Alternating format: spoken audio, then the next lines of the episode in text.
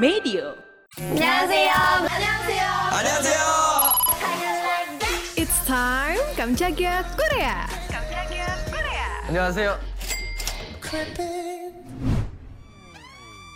Tahu nggak? Tanggal 4 Juli dini hari waktu Korea, YG Entertainment ngejutin penggemar ngerilis announcement film loh yang ngasih tahu kalau full album kedua Treasure yang bertajuk Reboot bakal dirilis 28 Juli mendatang. Lewat teaser film itu, bikin Teme makin penasaran. Jadi, di video itu, para anggota pakai setelan rapi, berdiri di depan cahaya putih terang. Nah, belum lama ini, 28 Juni lalu, di video berjudul The Next Plan for Treasure, YG announcement, Treasure membentuk subunit baru T5 yang beranggotakan Jihoon, Jungkyu, Jaehyuk, Doyoung, dan Junghwan. Jelang perilisannya ini auto trending loh Sobat Medio. Buat T5 ini, rencananya bakal debut di bulan Juli jelang perilisan album kedua mereka. Dan ngelibati video koreografi sebagai prarilis. Tapi, karena antusias Teme yang membludak,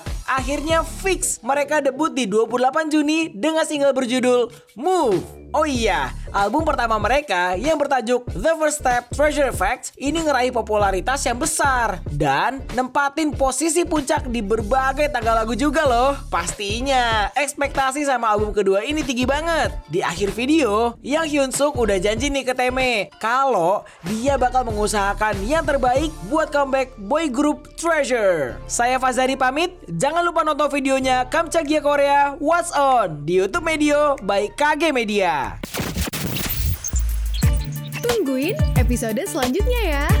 Kamsahamnida.